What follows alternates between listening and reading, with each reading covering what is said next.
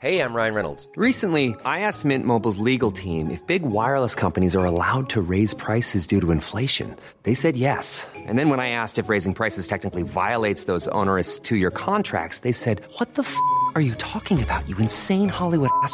So to recap, we're cutting the price of Mint Unlimited from $30 a month to just $15 a month. Give it a try at mintmobile.com slash switch. $45 upfront for three months plus taxes and fees. Promo for new customers for limited time. Unlimited more than 40 gigabytes per month. Slows. Full terms at mintmobile.com.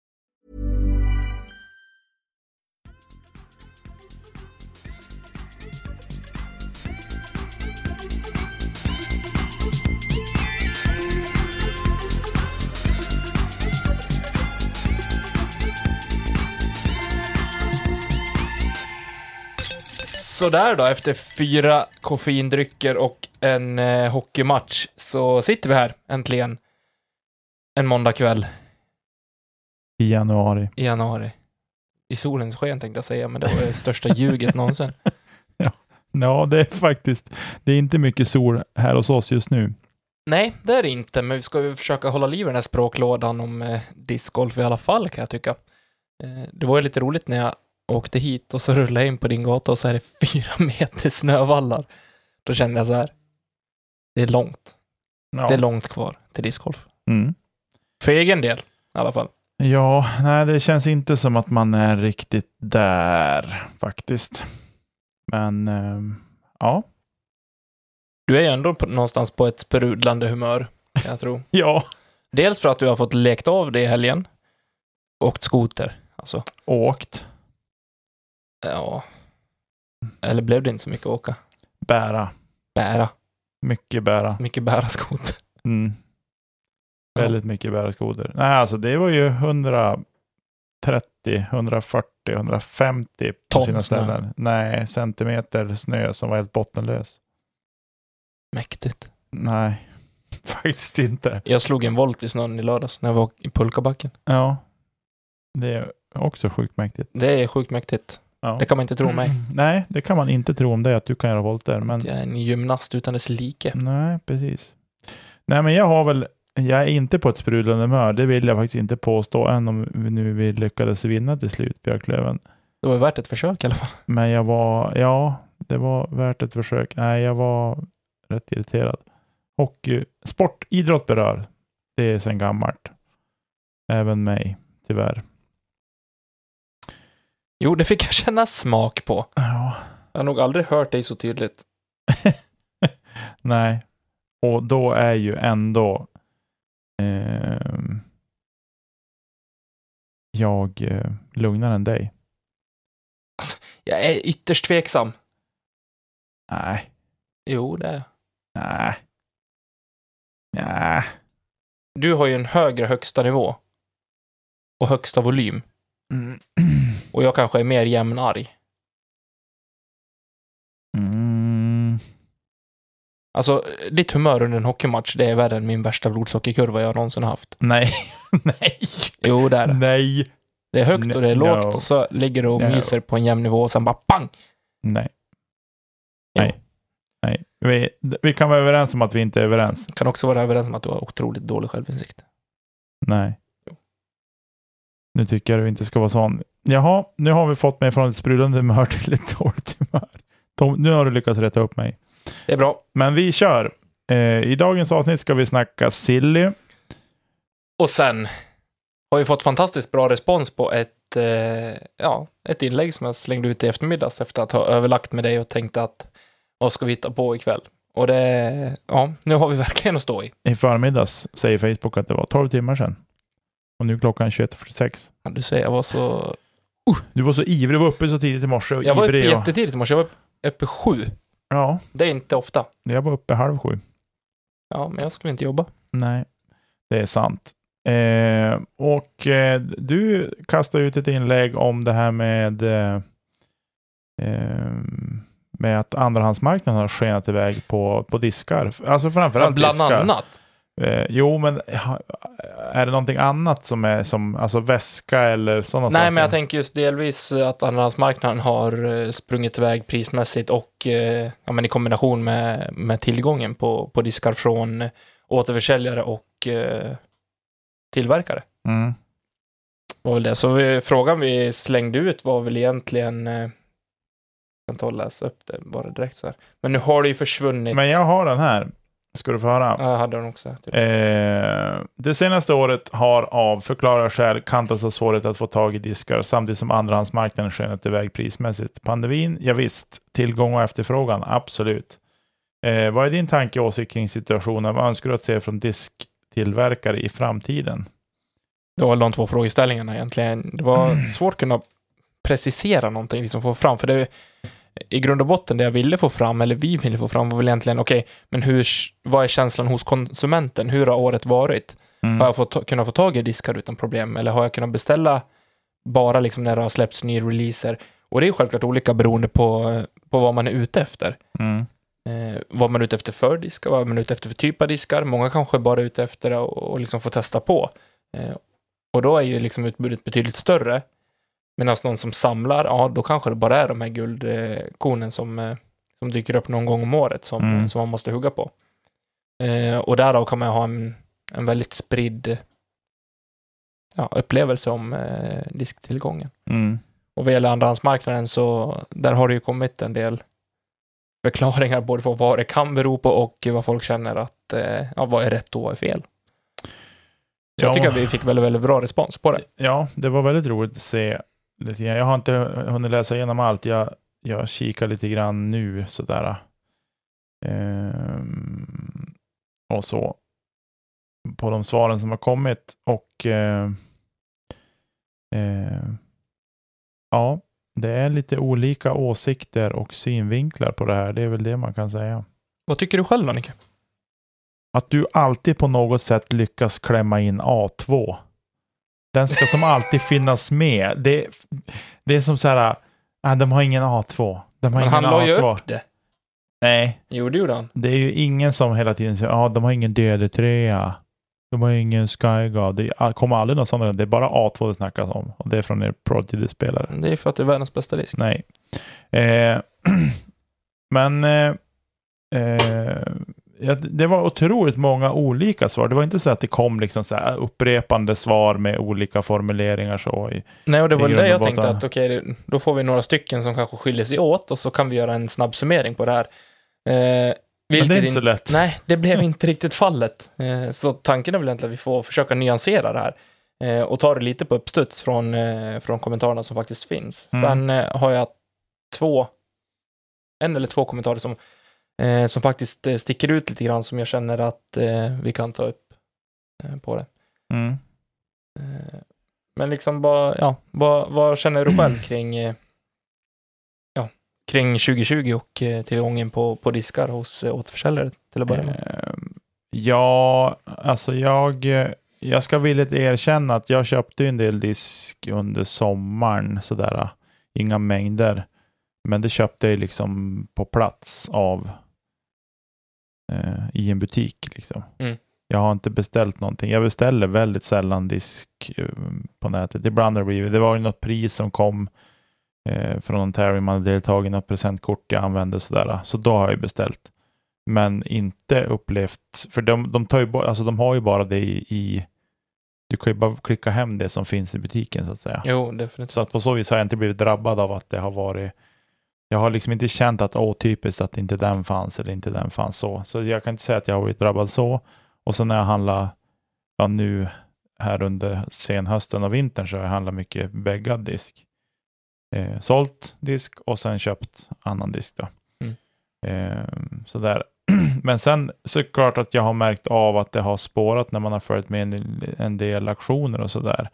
Och det är väl just det som att att priserna trissas upp är ju på grund av auktionerna och jag är en del av det problemet, eller hur vi ska säga. För Men det är vi själv... allihopa på ett sätt. Ja, för att man har lagt ut, man har, dels har man lagt ut till auktion och att man sen även har eh, köp på auktion. Eh, men det är lite grann, det har ju kommit några kommentarer kring det där att diskarna kanske borde läggas, de kanske borde vara dyrare från tillverkarna. Jag tänker att vi kan, eh, kan nästan ta det på en gång. Jag tror det var Helmut Blom som skrev eh, är att riktigt bra att ni tar upp detta i podden med risk för ett långt inlägg då jag tycker att detta är extremt viktigt en extremt viktig nyckel för den här sporten, för att den ska bli accepterad som en riktig sport bland andra än oss som är här. Eh, och kanske i framtiden kunna ses som en potentiell gren i större sammanhang. Eh, jag kommer tidigare från hockey och fotboll och golf, eh, så jag måste ställa discgolf i relation till dessa. Bra, då har vi liksom premisserna. Det tycker jag är Mm. jättebra att han, eh, att han klargör. Jag har aldrig varit med om att utrustning ska vara så extremt svårt att få tag på som inom discgolfen. En riktig tankevurpa måste ändå vara ekonomi. Där är jag helt med, fram till det. Hur många procent av den ekonomiska omsättningen bland diskar är på andrahandsmarknaden? Det är en rimlig fråga. Eh, på, och då kommer det en liten, eh, en liten uppställning här. Eh, det är orimligt att tillverkare X producerar 10 000 diskar av populär Mold A som säljs för 250 kronor styck och genererar 2 500 000. Enkel matematik. 10 000 gånger 250. Eh, Mm. Tiden efter kan, man, kan samma diskar säljas för 500 kronor styck på Facebook och troligen har ingen statistik eller belägg egentligen nämner han. Eh, men troligen är intäkterna större tillsammans än vad tillverkare X får ut av sin produktion. Tillgång och efterfrågan ser jag hela tiden som svar när detta kritiseras eller scrolla, scrolla vidare om du inte gillar det. Eh, och det är nog det dummaste jag någonsin har hört. Ja, eh, det köper jag delvis. Om jag får reagera på det. Eh, jag köper, alltså tillgång och efterfrågan möts ju någonstans också, alltså begreppet i sig tycker jag fortfarande man kan applicera på det här. Att finns det inte tillräckligt med, med molds A att få tag i, alltså hos tillverkaren, nej då måste man någonstans söka andrahandstillverkaren eller andrahandsmarknaden. Mm. Och finns det där, ja, då får man ju betala det extra priset. Men jag förstår fortfarande vad han menar. Eh, men det, det är inte Pokémon-kort det handlar om. Ekonomin som genereras i resonemanget tillgång och efterfrågan ska inte vara hos gemene man. Den ska vara hos tillverkarna. Ja, Mm. det tycker jag också. I ett långsiktigt perspektiv. Mm. Så där återstår det att se. Är det bara 2020 som eh, kommer vara så här? Jag tror inte att det kommer bli en jättestor förändring första halvan 2021, utan vi kanske kommer in i 2022 innan, eh, innan vi märker skillnad Mm. eh, på det. Men åter till, eh, till vad han skriver. Eh, om tillverkare X skulle sälja samma mold A för 500 kronor istället för att denna skulle istället skulle den kunna investera i nya maskiner som producerar mold B som fick stå åt sidan för att mold A hade en stor efterfrågan. Eller så skulle efterfrågan sjunka så att alla som verkligen ville ha mold A fick den och utrymme för produktion av mold B gavs den, den vägen istället. Med detta menar jag att utrustning ska inte få vara en bristvara i idrott och ekonomin ska gynna tillverkarna som kan investera och ta fram och producera mer bra material samt avlöna proffs som är frontfigurer för sporten. Ja. Har du någonting, någon inflik? Nej, det var ju det här jag ville komma till, att kanske diskarna skulle ha varit dyrare från fabrik. Eh, jag kan förstå, men samtidigt så är det väl, alltså att diskarna har det pris de har är ju, eh, de är inte dyra. Alltså de är, jag tror inte att eh, de tjänar bra med pengar på dem ändå. Det, så tänker jag. Eh, eh ja, och det, om jag har kunnat läsa den rapport jag har läst rätt så vi kan ta det senare. förresten. Ja. Eh, så jag tänker att det är, som, det är som svårt det här. Och jag tror, hade inte, om inte, jag, jag tror faktiskt den här pandemin har, har påverkat sjukt mycket faktiskt. Mm. Ja, alltså absolut. Jag tror att den, den, är, den är faktiskt, tror jag, det största problemet. Eller problemet, men alltså det är den som har, har varit, det är den största orsaken till att priserna på andrahandsmarknaden har skenat. Eh, Det jag tror det har, har haft att göra med att pandemin har gjort någonstans att folk har, alltså gemene man har velat vara ute mer, man har hittat discgolf som en aktivitet och tyckt att det är roligt. Intresset har blivit hiskeligt mycket större nu än vad det har varit tidigare. mm, I kombination med att många fabriker till och med har behövt stänga på grund av pandemin för att man inte har kunnat haft öppet. mm, Eh, och därav, ja, helt enkelt har det producerats mindre risk eh, Mm. till värde, om man ser globalt sett. mm, Vi vet att många, i Sverige kanske vi har kunnat haft öppet fabrikerna hela tiden, men mm, det ska fortfarande pumpas iväg diskar till USA, mm, eh, från latitur till exempel. mm. Eh, och även kasta plast också. Eh, de som har fabriker i Sverige. Eh, men får jag avsluta? Är det makes the sense? Säkert. jag vet inte vad jag ville komma eh, men Helmut avslutar. Förra året köpte jag en driver för 239 kronor som var i bagen hela säsongen i princip. Den sålde jag nyligen för 500 kronor. Jag borde ha betalat 500 kronor för den och sålt den för 239. Problemet ligger i tillverkarnas prissättning i min åsikt. Jag tycker det är fortfarande, det, det är alltså hur han skriver framför allt, så tycker jag att det är jätte, jättefint. Alltså det här är hans åsikt, det var det vi bad om. Jag är Mm. jättetacksam att vi fick just eh, ett sånt här exempel. Jag tycker att det är klart och tydligt hur tankegångarna har gått där. Mm. Och jag vet att eh, det är en väldigt nykter person vi har att göra med här. Jo, men det är, ju- samtidigt är det så här. Eh, de, de priserna som jag tycker har skenat mest, tveklöst mest, det är ju på alla liksom eh, signaturdiskar och, och sådär. Och fundraiserdiskar och sådär. Mhm. Eh, någonstans. Och även om det har varit någon speciell plast. Till exempel så finns det ju exempel på P2 Discmania P2 g- i glowplast som fullständigt har skenat i auktioner till exempel.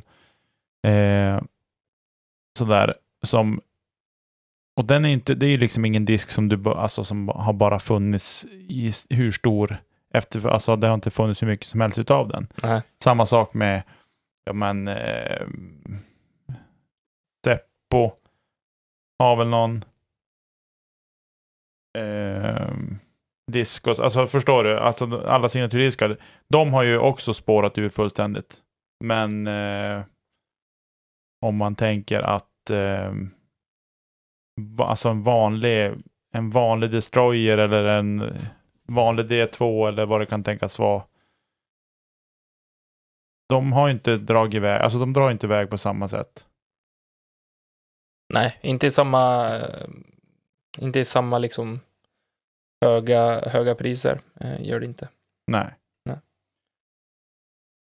Även om efterfrågan, alltså även om det inte finns att få tag i i dagsläget. Nej. Men jag vet inte om jag tycker att frågan är ju samtidigt så här, vad kommer vad, alltså jag förstår resonemanget att han borde betala 500 för den han köpte disken ny och, och sen eh, sålt den för 239 begagnad istället för vice versa som det vart Mm. nu då. Eh, men samtidigt så här, om man nu är ute efter att sporten ska få växa, vad händer då om diskarna börjar bli så dyra att köpa direkt? Alltså de folk som jag har pratat med som eh, eh, ja, men som har börjat kasta i år eller liksom sådär, har upptäckt sporten och sådär. Ja, det är jätteroligt och trevligt sådär. Och det är billigt att hålla på. Man betalar liksom en hundring eller 150 spänn för en disk och så är man igång liksom. Mm. Om den disken hade kostat 250 för många kanske inte någon större skillnad, men tänkte ja men jag, jag, jag, får, jag får ta den här smällen liksom. Och där är det också många som är inne på, eller det är fler som kan, om man, om man, eh, det man kan läsa ut av kommentaren, eller det, så, jag, så som jag tolkar det, eh, är att eh, många vill att kanske ja, men vanliga stockruns ska kunna hålla sig till en lägre prisklass och att det ska kunna tillverkas mer av det så att tillgången fortfarande finns. Mm. Medan många är beredda att betala lite mer än vad man gör i dagsläget för signaturdiskar, för first runs. Eh, som first runs och eh, protodiskar kanske de som blir dyrare med tiden. Mm. Eh, men man är mer eh, benägen att kanske betala mer för en, en fundraiser-disk eller en, en signaturdisk just för att stötta proffsen eller stötta eh, den som säljer dem eh, i sin satsning. Mm. Och det, Eh, den, eh, den var varianten stöttar jag i alla fall. Ja, men det var en kommentar om det här också, om att det var någonting som, ja men jag jagar inte, för någonstans känner jag också så här, eh, mycket av de de här eh, prisupptrissningarna, eller vad vi ska kalla det för, Mm. är ju mycket av mer etablerade spelare som driver på den också. Eh, tyvärr. Ja, absolut. Så, så tänker jag. Eh, och hur, hur ska vi då lösa det? Hur ska man lösa det problemet? Jag, alltså, jag, jag ser inte att vi kommer, alltså, eller jag, jag ska faktiskt personligen säga, jag ser inte det här som är egentligen ett jätteproblem heller. Eh, jag tror inte att det, att det hämmar sporten på något sätt.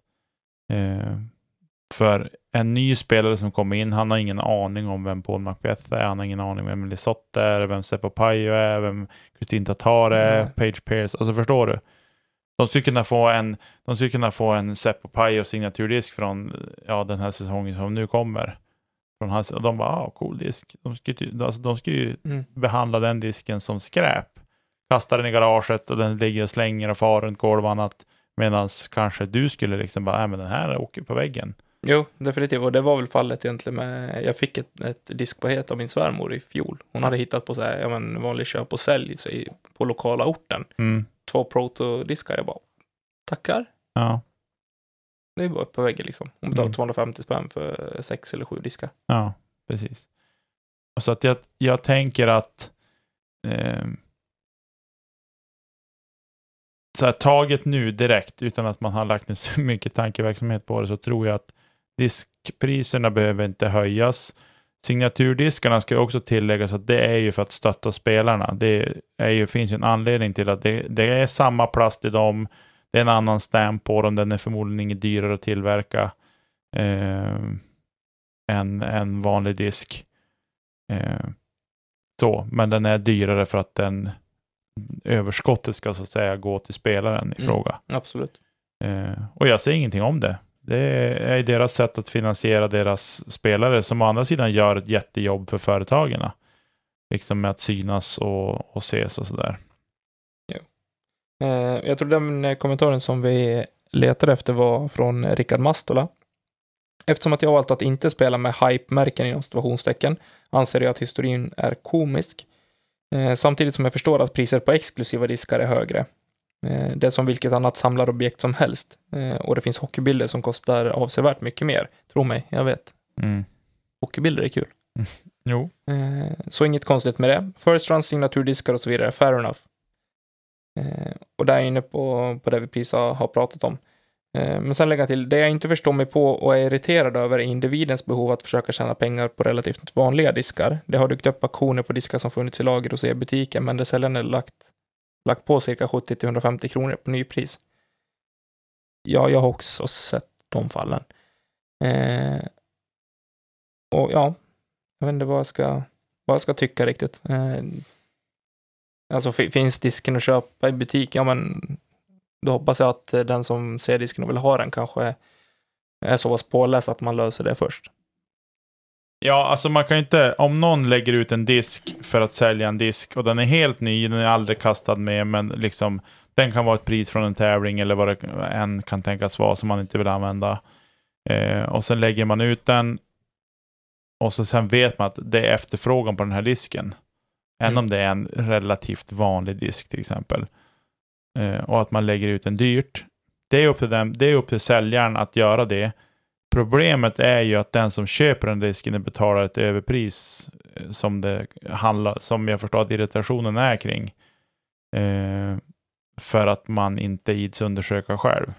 Nej, och jag hoppas också att i grund och botten, alltså för personens bästa, den som köper den, en sån disk, eh, att det är ett aktivt val och att man faktiskt har koll på hur marknaden ser ut. Mm. Eh, jag hoppas inte att det är någon ny person som precis har kommit in i, i gruppen där man säljer diskarna och så ser man okej, en cool disk 350 spänn, fine. Eh, och så finns den för, ja, vad är den brukar kosta? 159, 149 Mm. på, eh, hos eh, närmaste e-handlare. Mm. Närmaste e-handlare, hörde du den då? Är bra. Nej men eh, ni förstår vad jag menar. Eh, där tycker jag att det blir fel.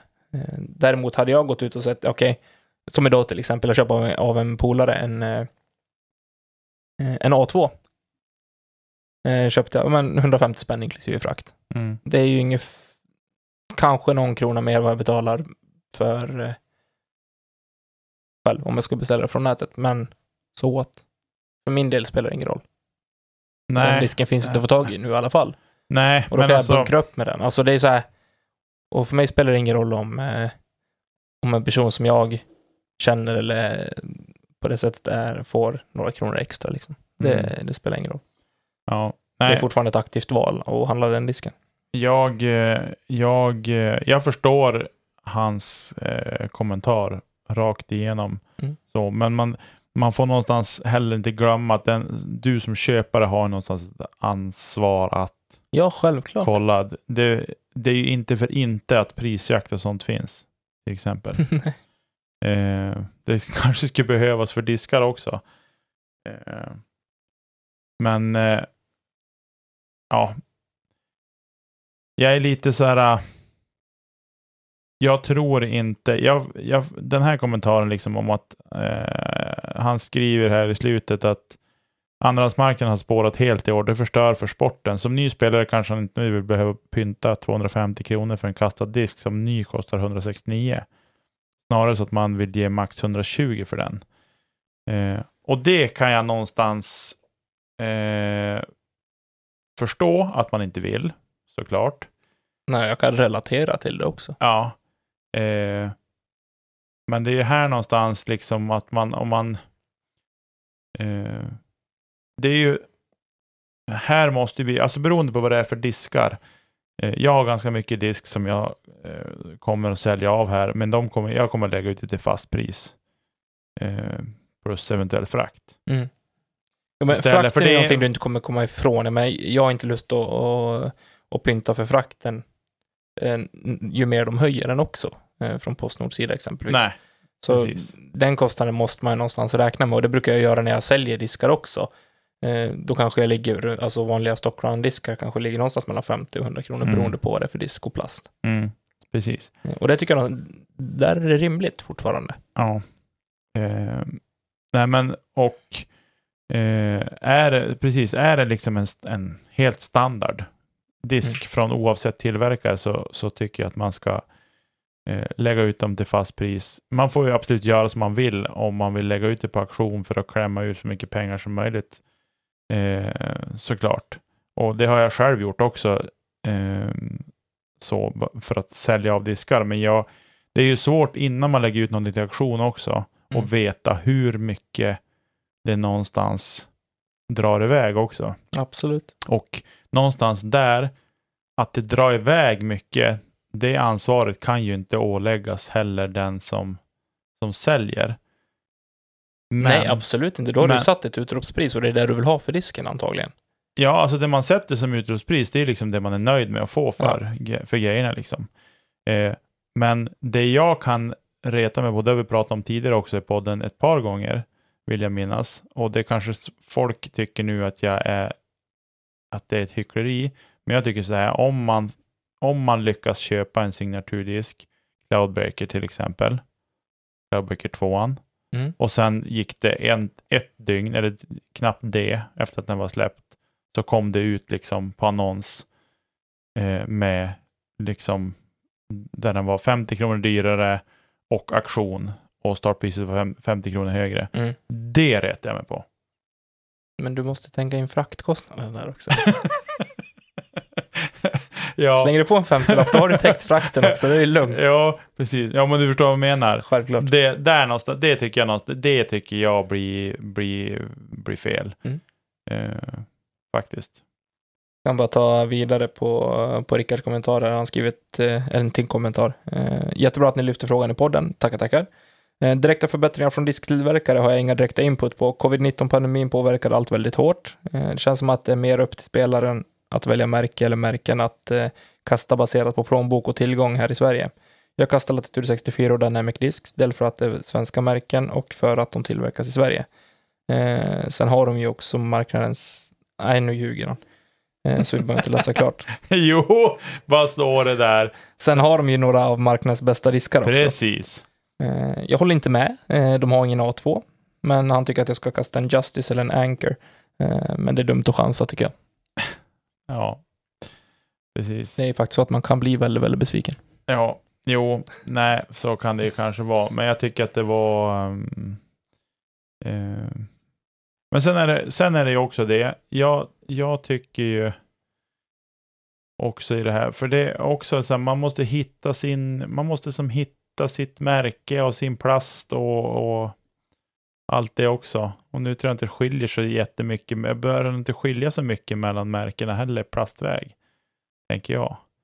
Tänker du alltså kvalitet eller tänker du? Ja, men alltså känsla i hand, alltså sådär, Nej. tror att det skiljer så mycket. Alltså om man skulle, Nej, men om man för- skulle lämna ifrån sig disk, alltså man skulle ta ett par diskar, man, ingen stamp eller någonting, Mm. och så skulle man, man bara plocka ihop ett gäng från ett par olika leverantörer. Eh, Du tänker känna mold eller bara själva ja, plasten? men äh, plasten tänker jag på. Alltså, Alltså jag hade inte känt skillnad på en Opto och en, eh, och en Lucid till exempel. nej, jag men, antar att det är samma plast i grunden. ja, men om du tänker att du skulle ta, du skulle ta en, en Opto och så tar du en Lucid och så tar du en Champion. 300 f- och så tar du en det är Champion. stor skillnad så, på 300 och basic plast. Ja, men alltså ändå, du förstår vad jag menar. Ja, du plockar absolut. från, från flera olika tillverkare så Mm. ger du dem till något labb och säger undersök, vi vill veta vad det är för skillnad på de här. Bra att du tar upp det med att undersöka, för jag vet att Tobias Palmer var inne på det här. Eh, många av er har varit inne på, när ni har diskuterat i kommentarsfältet här, att eh, vi ser till exempel Prodigy som gör en, en budget lineup eh, med diskar Aceline-serien. Eh, eh, eh, man ser även Discmania gör en collab med, med andra märken, Jikon, Juk, Jikon, kanske det heter, Jikon, Jokin, Jikon, oavsett. Eh, och eh, även Evolution-serien, eh, men eh, där diskarna ligger lite lägre, åtminstone så i Prodigys fall. Eh, och det är några av er i kommentarsfältet som tror att eh, det är rätt väg att gå. Jag vet inte, jag, det kan vara det, för att kunna massproducera i, utav billigare plaster.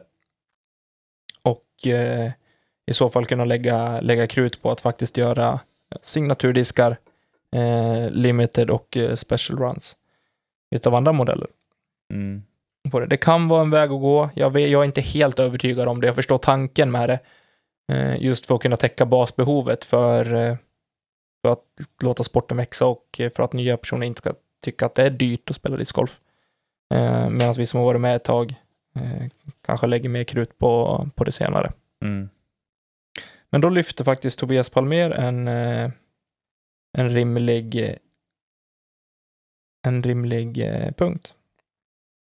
Eh, Han säger, ju mer outsourcingen eh, till Kina förstoras eller blir större, Ja, eller andra Eh, länder ja, andra länder, som är duktiga att producera saker. eh, så kan, eh, borde vi kanske få ha rätt att veta vad som är i plasten också. Mm. Eh, ifall det finns gifter.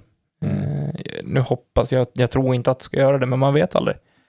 Eh, utan någonstans så tror jag att precis som många andra branscher går till mer, eh, alltså man tänker mer miljö, man marknadsför mer hållbarhet i, i produktion av produkter. Eh, ser man en stor, eller en väldigt, väldigt stor aktör på marknaden i Gore-Tex är ju någon eh, som har väldigt, eh, haft väldigt svårt eh, att jobba miljömedvetet, men som faktiskt börjar, eh, börjar hitta rätt. Eh, och jag tror att discgolfen kommer komma dit så småningom också, att man faktiskt måste, måste tänka på, okej, vad gör vi med det här? Mm. Eh, hur framställer vi det? Vad har vi i grejerna? Mm. Eh, för det är någonting jag inte har en aning om. Jag har aldrig sett vad man liksom blandar i heller. Nej. Det är väldigt hemligt. Jo. Just molds och design och sådana grejer. Jo. Jo, men, jo. men designen är ju som en sak. Mm. Det är, ju, det är ju mer formarna liksom. Det är ju mer det här med alltså, vad är det i plasten. Och jag tycker att det är en jätte, jättevettig eh, kommentar att vad är det faktiskt i i liksom det här? I vad är det i plasten för någonting? Mm. Ehm, så att de, den sorten transparens vore ju bra att veta. Eh, så vi vet, eller transparensen som krävs är, är det giftigt eller inte? Jo, det är giftigt att inhalera röken som blir om du eldar en disk. Mm. Okej, ja men då ska jag inte göra det. Nej.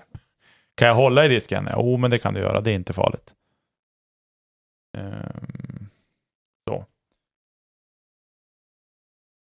Eh, nej, och därför eh, förs det en diskussion i kommentarsfältet också vidare kring eh, ja, men det här med eh, hur man ska dela upp eh, själva ja, fördelningen av eh, produktionen eh, kring färre molds och eh, ja, satsa på en, en billigare line också. Då.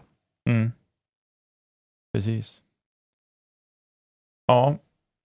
Eh... Sen då?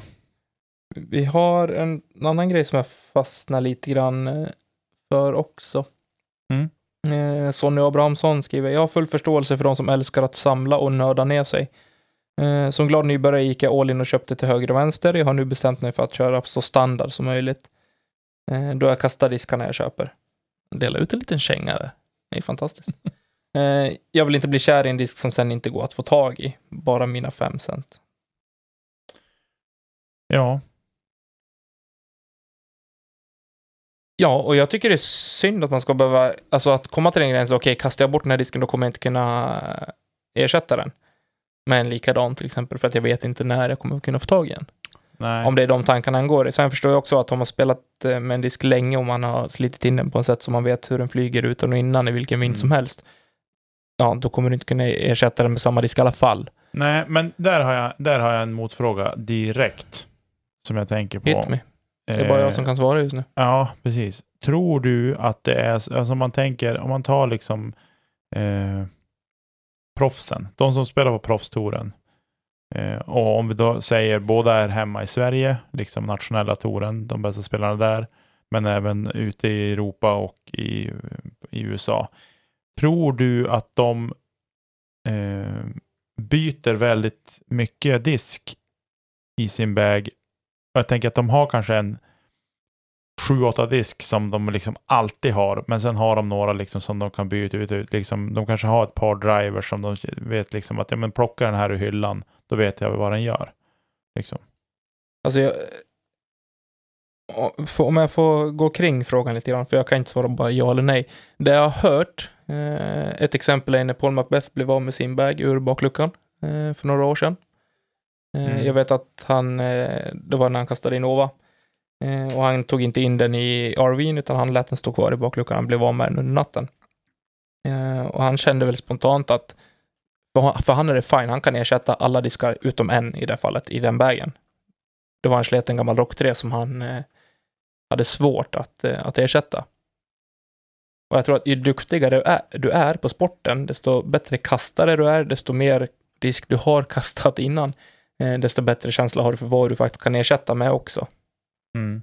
Eh, jag vet att de tog upp det, jag tror att det var run, Running It with eh, Nate Sexton, där de pratade om det också, eller om det var på Showmess kanske. Jo, när Mm. James Conrad var på Showmess, eh, så pratade de om det att om de kastar bort en disk, så får de, ja, men om någon ringer upp och säger okej, jag hittade din disk, och då känner de okej, men är det en sån disk som, som jag verkligen vet ut från innan hur den flyger, eh, är en disk som är irreplaceable i princip, ja, då kommer de att göra vad som krävs för att få tillbaka den.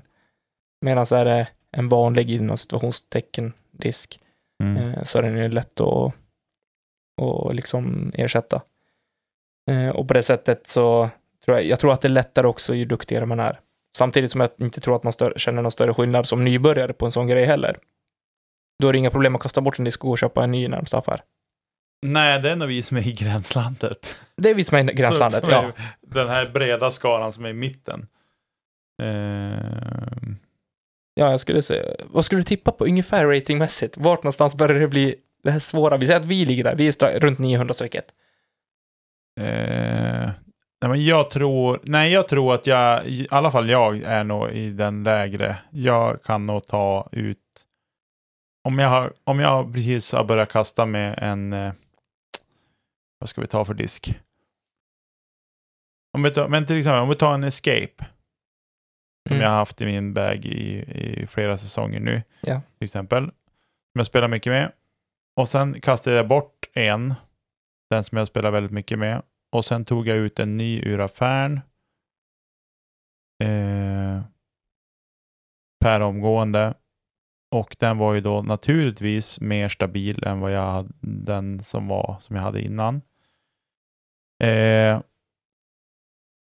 och då var det liksom så här, men det var inte, det tog ju inte lång tid så liksom var i den disken som den gamla var.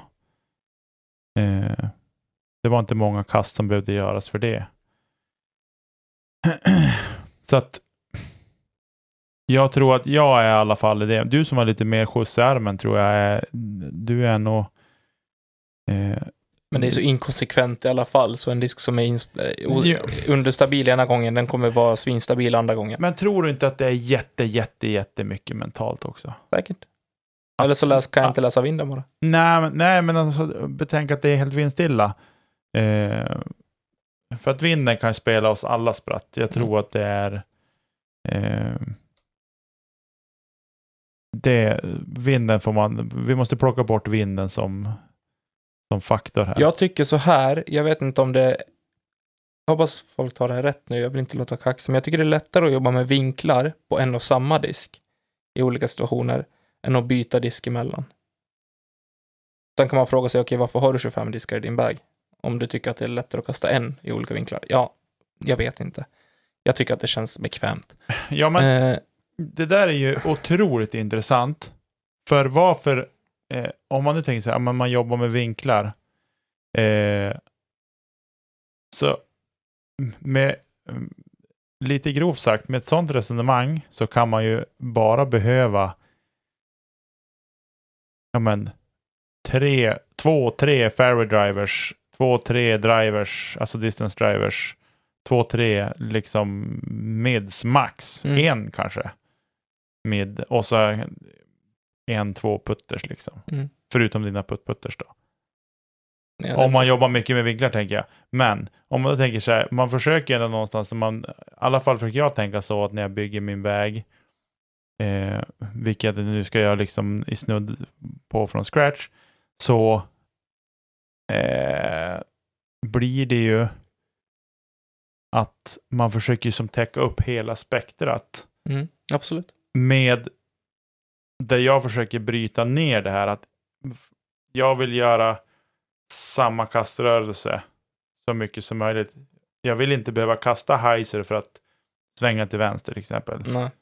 Eh, jag vill inte kasta, behöva kasta en heiser för att ta mig ut till höger. Liksom. Du förstår? Absolut. Jag vill ha diskarna, jag vill kunna kasta disken rakt och att den liksom den disk jag valt, den ska ha en viss turn då så att säga. Mm. Grovt sagt. Sen är det så, man, det blir ju ändå att man eh, eh, ja, vad ska man säga? Eh, jobbar med vinklar i alla fall, ju bättre man blir på att kasta. Så.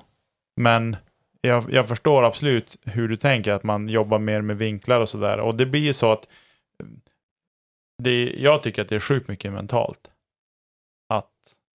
När man har, när man har spelat in en disk som man verkligen vet liksom Mm. vad den gör. Och att den försvinner om man tar, jag menar jag tar bara en ny likadan. Och så börjar man använda den och den så här, nej. Nej, Den och jag tycker det är svårare i dagsläget också i och med att det kommer så många olika runs på olika diskar. Jag kan ju ha fem olika D2 hemma som alla flyger olika för att de är i olika plast, dels för att de är gjorda olika, olika tillfällen. Några har poptop, några har paddeltopp och några är svinplatta. Eh, Så det, det underlättar ju inte saken heller. Nej. Och det är där jag tror att disktillverkarna kanske, om jag får tänka egoistiskt, jag hade hellre sett att jag får tag i, i fem likadana D2 på en gång för att kunna liksom eh, cykla in dem en åt gången. Det här är ju en fråga vi måste lyssna, lyfta med, med, ja det är väl latitud som är närmast till hands att eh, prata med. Mm. Eh, någon där, Larsa vore ju bra, Thomas Ekström vore bra att prata med om det här. Och hala upp den stora plånboken och låna Eh, lite tid. Att, nej men jag tänker så här, att använder de olika formar för samma typ av disk? Jag Det- tror inte det, jag tror det har med, alltså med Hur eh, plasten reagerar på värmen. på värme och kyla. Att det är det som gör Mm. huruvida det blir poptop och inte och, och så vidare och så vidare. Jag vet att Thomas Winno skrev, eller Larsa, eh, i en eh, kommentar också att många gånger så kan man ha, när diskarna vet det, fraktas i flyg, så blir det vakuum. Mm. Och att eh, disken också reagerar på det efteråt, att den sugs ihop så att du får som en liten ja, konkav Mm. eh, form högst upp på disken. Mm. Sånt kan också hända under, och det är oftast därför det sitter sådana här små vita plastlappar på, på rimmen för att den inte ska suga åt sig luft då. Eller suga in luften. Ja, precis när de är Ja. på Ja, varandra, så att, det ska finnas någon sorts, ja just det. Ja, det var ju en, en intressant eh, grej, för jag har faktiskt själv funderat på, vad är den här till för? Vad fyller Nej, men den det, för jag tror det funktion? är för att det ska kunna komma in luft. För att det ska kunna klippa in luft. Ja, ja, okej. Eh, innan vi hoppar vidare till några fler, jag tänker vi tar några fler eh, sådana här när vi ändå är igång, men vi ska prova en, en grej. Vi ska ringa upp en kär gammal vän. Tänker du? Jag tänkte det. Okej. Eh, det, är ju ett, det blir ju ett pilotprojekt. Ja, det blir det. Eh, men vi, vi ger det en chans och ser om vi får någon kontakt här med... Mrs Elina Rydberg. Precis. Ska vi se, ska vi knappa fram hennes nummer här? För er som inte har lagt märke till den så håller vi på med, vi har nya mickar och eh, podtracken igång nu. Så det är därför vi testar. Elina är jättetrött. Det är om vi får någon kontakt. Det kommer signaler. Halli hallå! Hej, hej! Hej! Hon hör oss. Ja, Det här är fantastiskt. Bo- båda två. Jajamän. Välkommen till avsnitt 82. Är det det? Ja, Ja, det är det. Du, Elina, jag tänkte höra med dig. Har du varit in och läst någonting i det här inlägget som jag eh, råkade slänga ut på Ska vi snacka discgolf i förmiddags? Eh, som du råkade slänga ut. Jag tänkte, vad har han dratt igång nu? Men ja, jag har varit inne och läst eh, en del. Ja. Ehm, jag, du- jag var imponerad när du började kommentera tillbaka och jag tänkte, vart ska det här sluta? Det är tur jag var ledig idag kan jag säga. Jag tror, Ja, jag har hunnit med nästan alla och svarat på någonting och tackat så mycket för, för tankar och så vidare. Ja, det såg jag. Men vad, vad är dina tankar kring det här då? Så här på Eh, uppstuds. så här på uppstuds. Ehm, nej, men alltså det är väl mycket så som, som eh, alla säger, liksom att ja, men det har blivit en boom med antal spelare i år. Eh, och i och med pandemin så fick ju väldigt många eh, ja, disktillverkare i USA stänga ner. Sverige känns som att det inte har påverkat riktigt, men det är också en genomgående trend om man läser kommentarerna. Typ att ja, men Trilogy kan ju leverera. Eh, så. Men, eh, och sen det här som väldigt många har varit inne på med ja, tillgång och efterfrågan. Men på något sätt så kan jag ändå tycka att man, alltså ja, det är en stor efterfrågan på diskar. Men man får också tänka att man är ju människa på något sätt. Alltså så här, visst, jag vill jättegärna ha den här disken. Men om jag är villig att betala 3, 4, 500 för en helt vanlig disk, då kommer ju det ha liksom en inverkan på att ja, men då vet folk det. Och då kanske det är fler som vill det. Och det gör ju hela tiden att priserna bara kommer trissas upp. Om folk bara slutar betala 500 kronor för en stockrun, eh, vad som helst, ja då kommer priserna att gå tillbaka till det normala igen. Mm. Det är väl typ vad jag tror.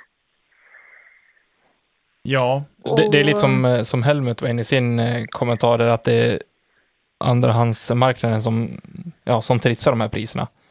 Eh, för han var inne på att det kanske borde vara tvärtom, att de pengarna man betalar på andrahandsmarknaden, typ 500 kronor för en, en signaturdisk, kanske är det man borde ge återförsäljaren och sen sälja den för 239 som man faktiskt betalar. Ja, den läste jag nog faktiskt. Och där blev jag så här, ja. Och så var det någon som hade kommenterat en jätte, jättebra post. Och det är ju på de här signaturdiskarna. Mm. Ehm, Det är många de- som har varit ja, inne på men- det. Ja, och liksom det här att ja, men när de släpps, ja då kostar de kanske, ja, Prodigys kostar väl någonstans mellan 200 och 230 har väl jag betalat för en signaturdisk. Mm. Och Discmania kostar väl mer än det och Discraft också. Men om de istället släpper de diskarna för 500 spänn från tillverkaren så går ju det till spelarna och inte till en andrahandsmarknad. Och alltså, då kan man ju liksom, är folk villiga att betala 500-600 spänn för en signaturdisk? Alltså jag gör ju mycket hellre det för att sponsra den spelaren. För det är ju egentligen därför jag köper disken i första hand. Mm. Eh, annars kan jag ju kasta stockruns. Det är ju exakt samma sak. Eh, så att då kan jag hellre tycka liksom att man får köpa disken dyrare från försäljare. Eller liksom så här, än att det ska gå dyrare på andrahandsmarknaden. För jag menar, det är ju ingen spelare som tjänar på det mer än den som säljer disken. Och den är, den är inte involverad i processen att ta fram det från början liksom. Nej, Eh, absolut. Så jag tyckte det var väldigt vettigt. Alltså det, det, det på något sätt blev en sån här ögonöppnare. Att, ja men det är väl klart att, eh, alltså torspelaren ska ju få mer ut av kakan och det är ju inte vi som ska ha det. Tänker jag. Men är inte vi också torande spelare då? Jo, det är vi väl. men då får vi väl skaffa en egen signaturdisk. Precis. Ja, men, eh, eh, jag känner väl så här kring det där. Eh, vi har pratat om det här tidigare och du har ju inte hört Mm. allt Elina, så att det är svårt för dig att veta. Eh, men jag tycker någonstans att det blir ju, jag fattar att kanske att man tycker att stockruns ska vara eh, kanske billigare ut och sen har man liksom en lite bättre serie som är dyrare ut. Och sen har man de här signaturdiskarna som är dyrast, till exempel. Men där ska Mm. ju en stor del av kakan gå till de spelarna. Eller i stort sett 100% av det går väl till spelarna. Eh, och det är det här som är eh, för sportens växande så tror jag att det blir problematiskt också om diskarna börjar bli för dyra. Ja, ja, ja. Absolut. Det, det håller jag med om till hundra procent. För frågar man Johannes Larsson, Larsson så får inte en disk kosta mer än 89 kronor. Det är hans bestämda åsikt. Han Ja, kastar bara nej, men Zerosoft alltså- också. Precis. Då går det ju bra. Nej, men alltså, för jag reflekterade över det häromdagen eh, här hemma faktiskt. För att, ja, men, jag eh, började ju spela för, ja men nu är det väl snart två år sedan. Och för mig så är det liksom när jag köper begagnat på Facebook, då är det så här, ja men mellan 75 och 90 spänn typ för en disk, extrakt. Eh, och liksom, ja men var det en nyskick som man verkligen ville ha, ja men då kanske jag tänk, kunde tänka mig betala 120 eh, på Facebook. Men alltså du hittar inte en disk under en hundring idag liksom. Eh, så att, när du Det ändå är inne på det, kan jag bara slänga ut en liten blänkare. Att är det någon som sitter på en riktigt risig gammal A2 i 300-plasten som är eh, sö- sönderkörd med, med traktordäck, jag betalar 150. ja men också, det jag menar, ja för dig personligen Ja, så kanske det är värt det. japp. Men om man ska se till skicket på disken, Då borde man kunna få Oh. 10 för det priset. ja men typ. Och det, det är ju liksom, det är ju där igen vi kommer till den här hypen om diskmärken eller eh, efterfrågan och allt det här som gör då att man kan dra upp priserna. Mm. För att du är villig att betala 150 spänn för en disk som kanske skickmässigt är värd 20 spänn. Ja, men om man lägger ut en disk på, om man lägger ut diskar eller en disk på auktion och man sätter ett startpris, vilket man är tvingad att göra. Om man sätter ett Mm. startpris på 10 kronor, då är man ju beredd att sälja disken för 10 kronor. Absolut. Än om man liksom, baktanken är ändå, jo men den kommer att stiga. Ja, men, Men, någonstans då, är man ju ändå, accepterar man ju ändå någonstans 10 kronor. Ja, absolut. Och, men den, den typen av aktion, det kan jag tycka är mer rimligt. Men när du har de aktionerna på vanliga diskar som är liksom startbud över vad du köper disken för. Mm. Det, det, är liksom, det är där det blir lite ja, men fel. Ska Ja, väl det var det jag sa till Nicke också, att just på auktioner så måste du nästan lägga till de där 50-55 kronorna för frakten också. Så att man har täckt det. Han sa det tidigare när jag tog upp det här med att man köper en, ja men ta Cloudbreaker till exempel när den kom och det var sånt Mm. väldigt tryck på den så gick det 12 timmar så kom det ut annonser eh, Mm. där de var betydligt mycket dyrare svart i budgivning och så drog det iväg och så där. Det är den Mm. typen av eh, som provocerar mig. Mm. Men att om man liksom lägger ut ett paket med diskar. Eh, jag sålde ett gäng P2 för P2 verkar vara sjukt heta. Jag vet inte riktigt vad, vad det är, men jag la ut ett gäng, eh, liksom ett paketpris där varje disk kostade 50 kronor styck. Liksom. Mm. Men det drog ju ändå iväg något Mm. enormt. Och här, eh, det har jag också sagt tidigare, det blir en upprepning för er som har lyssnat på hela avsnittet och eh, orkat hänga med än så länge, är ju att då är det någonstans, det är ju de som bud, det är ju inte säljarens problem att det skenar iväg, det är ju köparna i det här fallet, eller den som till slut köper då, att det Mm. skenar iväg. Så att Ja, det är jättesvårt det här också, men just det här med att man köper nytt, lägger ut direkt. Nej. ja, men det har vi varit inne på jättemånga gånger under Ja. året när det har varit diverse släpp. Ja, det är Och gammal liksom fake att news. Man, man, man försöker tjäna Jättebra. pengar på att, an, på att du har lyckats få någonting som andra vill ha mer än dig. Eh, och där är vi ju inne liksom i ett rävspel istället där man bara försöker att liksom suga ut pengar av folk. Och det får man tycka vad man vill om. Jag är inte för det. Men Mm. Det klockrena exemplet är det som Tobias tar upp med, med toalettrullarna under, i början av pandemin. Ja. Eh, Jag har också ett trevligt exempel på Facebook köp och sälj under, var det två somrar sedan när det var så hiskeligt varmt. Eh, när folk Mm. slängde ut sina, sina bordsfläktar för typ 500 spänn. Ja. Mm. Det är ju fantastiskt. Ja, men och, och då kommer ju det här liksom att ja, men det efterfrågas och det är slut överallt. Och det är exakt det vi sitter i nu med diskar. Mm. Men alltså i så fall, om jag får hoppa på lite det som Nicke sa nu med att ja, men jag vill ha, jag kan tänka mig att få 60 spänn för den här disken. Men jag tror att jag kan få mycket mer. Det är klart att man har rätt att lägga ut en auktion. Men då lägger du fortfarande ut auktionen till ett värde som är lägre än det du köpte disken för. För att den är använd. Liksom. Så då är den moraliska aspekten helt okej. Ja, men det tycker jag. Mm, för jag att då är inte beslutet säljarens, att säljaren vill tjäna supermycket pengar på den. Eh, sen så säger inte jag att man ska lägga ut aktioner på vanliga diskar i skick 6 liksom. Eh, till höger och vänster. Men För att- sju är okej va? Ja, ja. På vilken skala man Nej, men efter. alltså eh, sådana här, när, ja, men, det är ju vissa som lägger ut, ja men här är fem diskar på auktion. Eh, kanske samma märke. De, vissa lägger ut mystery eh, diskar också på auktion och folk köper ju det med eh, på något sätt.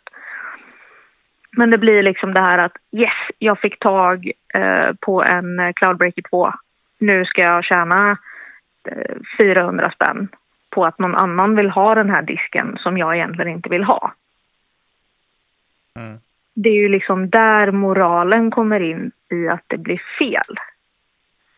Kan jag tycka. Men alltså folk får ju liksom tycka lite som de vill. Det är väl Det är ett fritt land. Det får man göra. Ja, Och det finns ju Precis. ingenting eh, som är så sant. Skadeglädje är den enda sanna glädjen. Mm. Det har jag hört för. Men eh, stort eh, tack Elina för att du tog dig tid denna måndagkväll att eh, faktiskt eh, ge din input på det här. Eh, nu vet vi att Ja. podtracken fungerar, så den kommer vi fortsätta använda. Precis. superbra. Bra.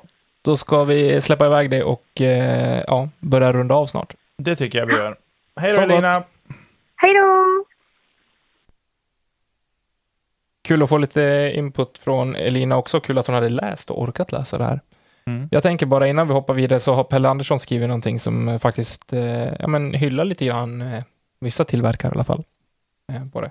Eh, han skriver, jag tror, mig förstå, jag tror mig förstå tillverkarnas situation. Latitud gjorde något bra, även om de inte kunde vara exakta, vilket är förståeligt. Eh, på grund av det stora trycket prioriterar de vissa diskar framför andra. De publicerade en lista över vilka diskar och vilka plaster de prioriterar. Själv skrev jag till Kasta Plast med fråga om, om när glowdiskar kunde finnas. Jag fick snabbt svar att eh, de skriver så fort att de skriver att de jobbar så fort de kan med bland annat detta, men att de inte vågar ge ett exakt datum. Eh, jag tänker att om fler tillverkare gick ut precis som Latitud så skulle det kanske slippa lägga tid på så många mejl eh, som säkert kommer in till, eh, till tillverkaren också eh, på efterfrågan om eh, vissa diskar.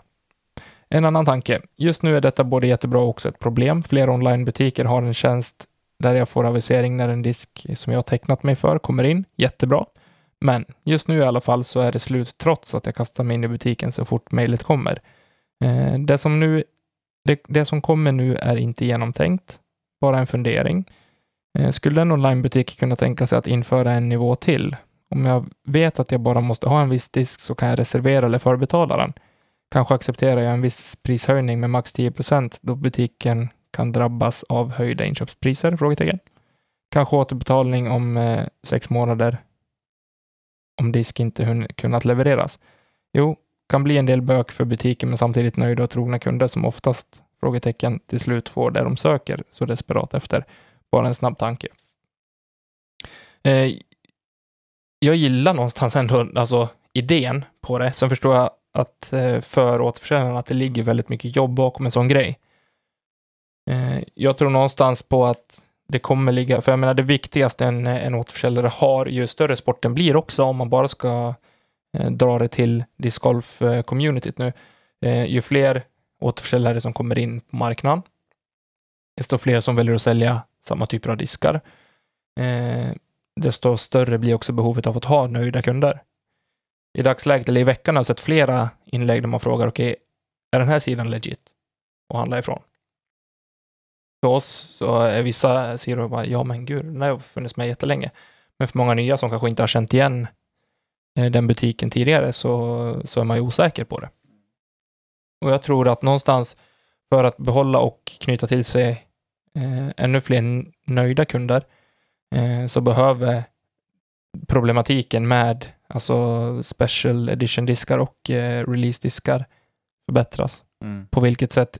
Fråga inte mig, för jag har inte koll på, på den tekniska biten i det. Men jag vet att det är för många, för många sidor som har kraschat under årets gång. Mm. Precis. Ja, nej, det här kan vi ju diskutera i döddagar, men det är ett otroligt intressant ämne och jag tycker att vi ska försöka komma tillbaka till det eh, fler gånger. Absolut. Eh, ja, men du Tommy, ska vi ta och hoppa vidare och rafsa igenom lite grejer som har hänt här? Eh, Vi gör det. Som sagt, vi kan inte få med allt i det, men när man är intresserad så gå in och läs i inlägget och se vad folk eh, tycker. Eh, det finns en del intressanta länkar också eh, som man kan klicka sig in på. ja, då hoppar vi vidare. Tröttaste jingeln någonsin.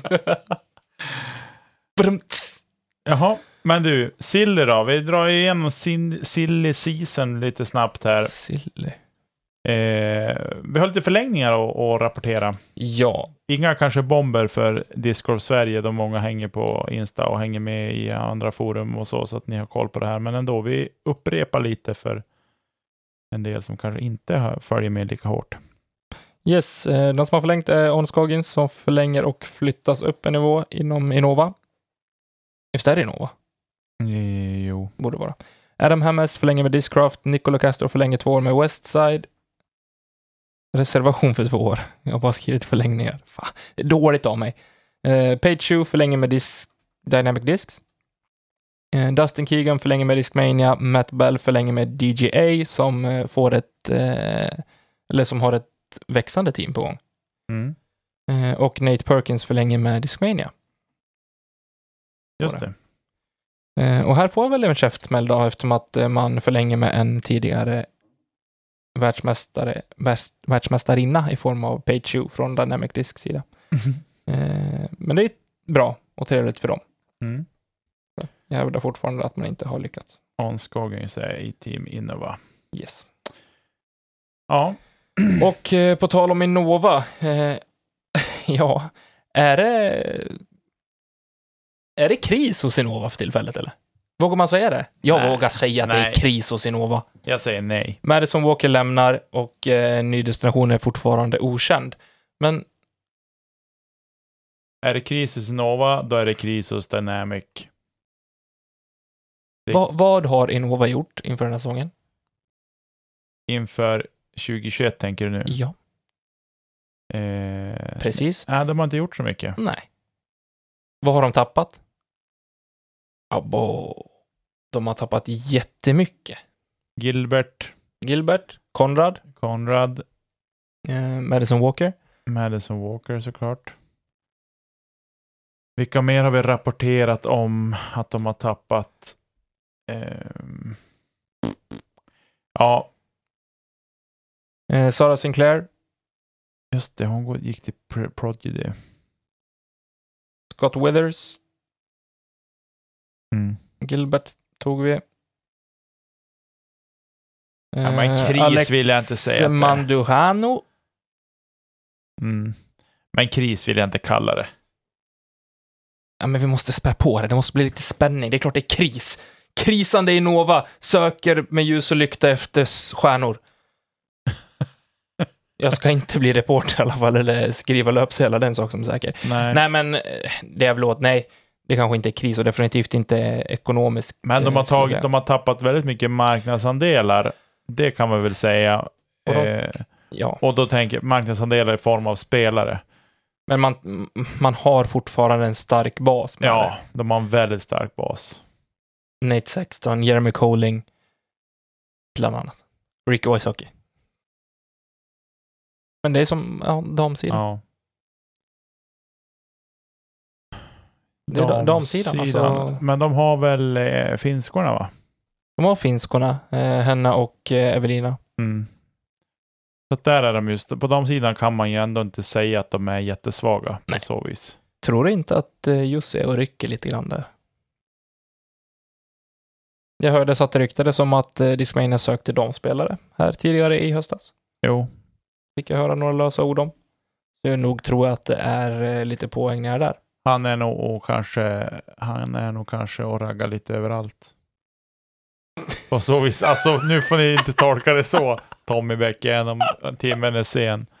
Eh, Jag ska klippa ut det där och bara lägga till just innan.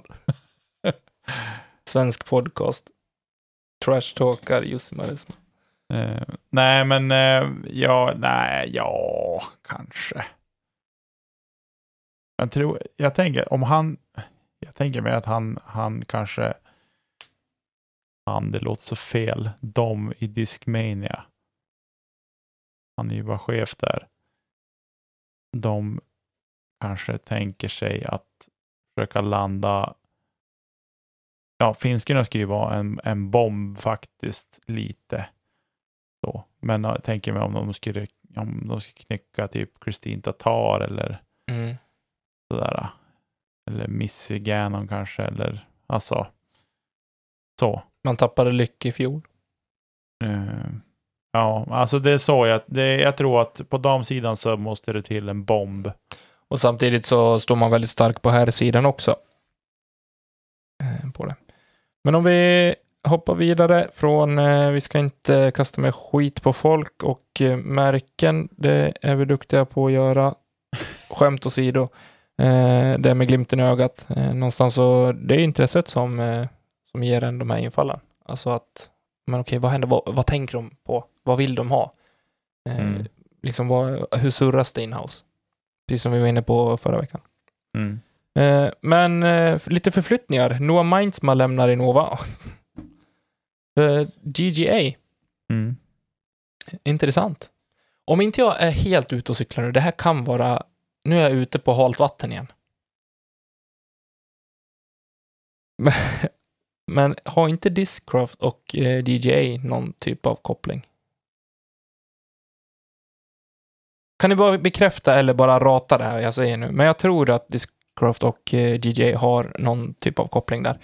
Eh, men ja, kom gärna med, med feedback på den. Jag tar med den gärna emot. Som sagt, jag är öppen för att bli sågad på den fronten. Kom Eh, ihåg att det var Tommy som sa det. jajamän. Jag, jag, bla, jag Det var, en, eh, det var en fråga. Det är bara någonting jag har hört. Eh, någonting jag inte behöver bli sågad för är att eh, Severin Saviniemi har eh, signat sitt första kontrakt med en disktillverkare. Han signar två år med Prodigy. Eh, han kommer att ingå i Tournament Team tillsammans med bland annat eh, våran svenske Robin Willman bland annat. Eh, han fortsätter även att ta powergrip.fi som eh, sin sponsor också. Trevligt. Mm. Eh, vill man se mer av Severis Aveniemi så finns han på Lead Card by Natural Born Disc Golfer. På Vimeo. Just det. Köpes vi med var det va? 123,56. Ja, du ser. Såklart. Vill du veta vem som vinner? Nej. Struntar vi det. Det var ganska enkelt också. Mhm. Eh, men eh, bomben vi alla har väntat på, det är ingenting som blir nytt när ni hör det här i alla fall, för det har gått nästan en vecka, men James Conrad har signat för MVP. Och det var skönt för mig. Efter förra veckans raljans eh, om Dynamic Discs, och sen så läste jag lite grann i, i kommentarsfält från James Conrad när han annonserade att han skulle lämna Innova. Där vad heter han? Zach Melton skriver See you soon buddy och då tänkte jag, men vad i hell... Vad är det jag har missat nu? så då tänkte jag först, nu har jag suttit här och bara spytt galla över någonting och så kommer James Conrad gå till Dynamic Disc. Då hade jag fått checka upp det, men nu slipper jag det. Eh, Så jag är betydligt mer ödmjuk idag. Han går alltså till MVP och eh, ryktet säger att han kommer ha en egen James Conrad-line med diskar. Mhm. Ja, han kommer, jag har sett någon eh, där det ser ut som att han ser ut som en sjöjungfru eller en säl eller någonting. Det är ju i och för sig ganska stor skillnad på en säl och en sjöjungfru kan jag tycka. Ja, fast om du tänker dig en sjöjungfru som viker iväg upp mot vattenytan. I, Oj, oj, oj. eh, så, och eh, om man tänker sig när Anja Persson gjorde sälen när hon hade vunnit en tävling. Inte helt olikt när du kommer att se den där disken. Det är någon signaturdisk som släpps. Ja, men men eh, nog om det. Eh, det är ju en av de sämre bevarade hemligheterna att han signa för MVP. Ja, Ungefär som Det var Rick- folk inte sena med att påpeka på både, vare sig Twitter eller Reddit. Nej, och eh, om man då tänker sig ungefär hur duktig Ricky var när han satt med en Innova-kartong bredvid sig. Det var ju också sådär. Ja. Sånt som händer. Det så, Saker kan gå fel. Sånt som händer, precis. Eh, ja. Men eh, nu är det snart start också på säsongen. Det är det. Jag har, har du några förväntningar? På säsongen. Ja. Blir det någon säsong, eller på att säga. Nej, nu ska jag inte vara sån. Eh, självklart har jag förväntningar på säsongen. Eh, jag har förväntningar på mig att jag ska tävla lite mer än fjol. Mm. eh, åka lite längre och tävla. Jag har förväntningar på att vi ska göra fler roliga grejer likt det vi gjorde i höstas. Eh, åka iväg tillsammans, eh, spela, tävla, vlogga lite, Mm. spela in podd. Jag har förväntningar på fler gäster till podden, eh, vilket vi nästan kan garantera. Mm. Eh, och eh, nej, men jag ser väldigt ljust på säsongen 2021. Jag hoppas också att innan säsongen sätter igång här i Sverige att vi får några fler svenska namn som knyter till sig någon större sponsor också. Mm. Eh, Det hade varit roligt eh, att öka eller att göra Sverige större på discgolfkartan. Mm. Precis. Eh, ja. Det blir ju intressant att se vad som händer. Eh, Det blir det. nu kommer ni till en punkt där det står Tommy tipsar. Vad vill du tipsa om? Dubbel-T. Så här i avslutningen av programmet. Eh, Jag tänkte eftersom att inom discgolfen så har vi fortfarande lite olika inriktningar. Eh, Lite olika saker vi är intresserade av. Vi tittar ju mycket DGPT till exempel. Eh, många intresserar sig bara för att spela själv på typ motionsnivå. Eh, många tycker, att komma, tycker om att kolla på de svenska tävlingarna, vilket jag också gör. Eh, jag tror att jag konsumerar väldigt, väldigt mycket discgolf på olika, olika sätt egentligen varje dag. Men har följt liksom förstås att det ser väldigt olika ut bland alla som ingår i, i vårt härliga community. Men jag tänker att eh, jag har lite YouTube-tips. Ja. Eh, och- ja, som ska försöka täcka de flesta av de här varianterna. Eh, och eh, Robert Tolin har vi sett mycket senaste tiden. Eh, jättetrevlig kille att titta på och eh, lyssna på. Jag bara myser när jag hör den mjuka sköna rösten. Men han åker runt och besöker lite olika svenska discgolfbanor och filmar sina rundor. Och det är perfekt för dig som vill se lite mer av discgolf Sverige. Eh, på det sättet då. Eh, så in och kolla på Robert Rolin Discgolfer, tror jag han heter på, på YouTube. Mm. Eh, så får ni se lite olika. Bland annat Falkenberg nu senast tittade Mm. jag på. Han har även besökt en privat bana. Mhm. Intressant, intressant. Vi har också Kristoffersson Discgolf som idag annonserade att han tar en paus från sociala medier men att Youtube fortsätter att eh, fortsätta att rulla som vanligt Mm. egentligen. Mm. Eh, och här är väl egentligen all things discgolf. Allting. Det är lite runder här och var. Det är lite disk dying. Det är eh, testdisk, alltså testa diskar. Mm. Eh, och man får egentligen, jag har fått en bild av att man följer hans utveckling lite grann också, för han har inte hållit på jättelänge själv.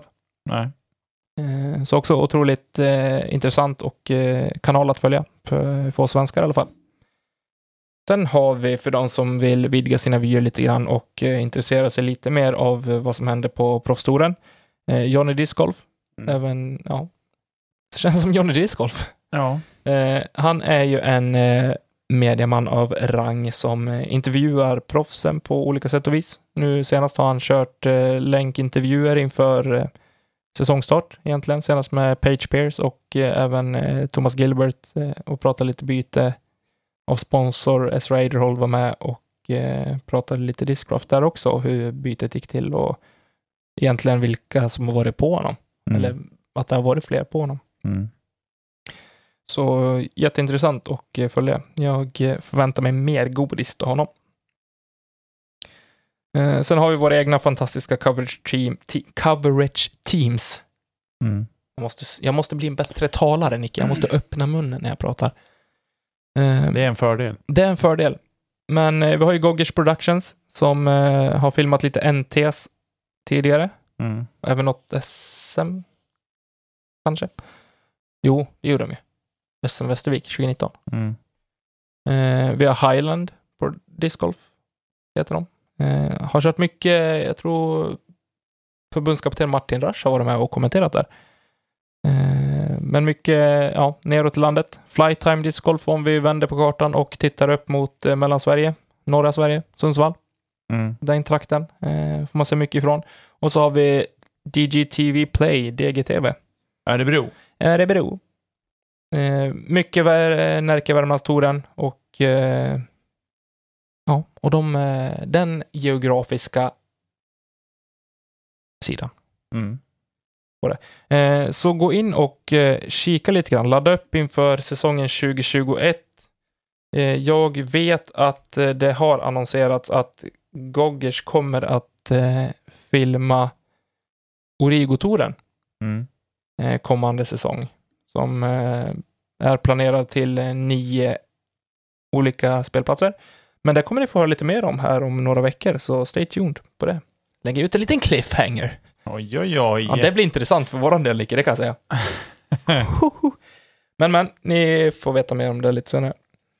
Mer än så hade inte jag för idag. Det känns som att jag har snackat i jättelänge nu. Ja, du har pratat så vansinnigt länge. Det har jag gjort och jag hoppas att, det har, att folket har hållit sig vakna och eh, inte somnat när man har kört bil eller liknande. För vi tar inget ansvar för det. Det är lätt att säga ifrån sig. Nej. Precis. Men eh, vad säger du, ska vi sätta punkt för dagens avsnitt och eh, så säger vi hörs på, kasta en kedja ut. Vad var det där? Vilken dålig norrländska. Oj, oj. Ja, hörni, ha det gott där ute i Discord Sverige tills vi hörs en annan dag eller vecka. Mest troligt om en vecka hörs vi igen. Tack för att ni lyssnar. Hej då! Hej då!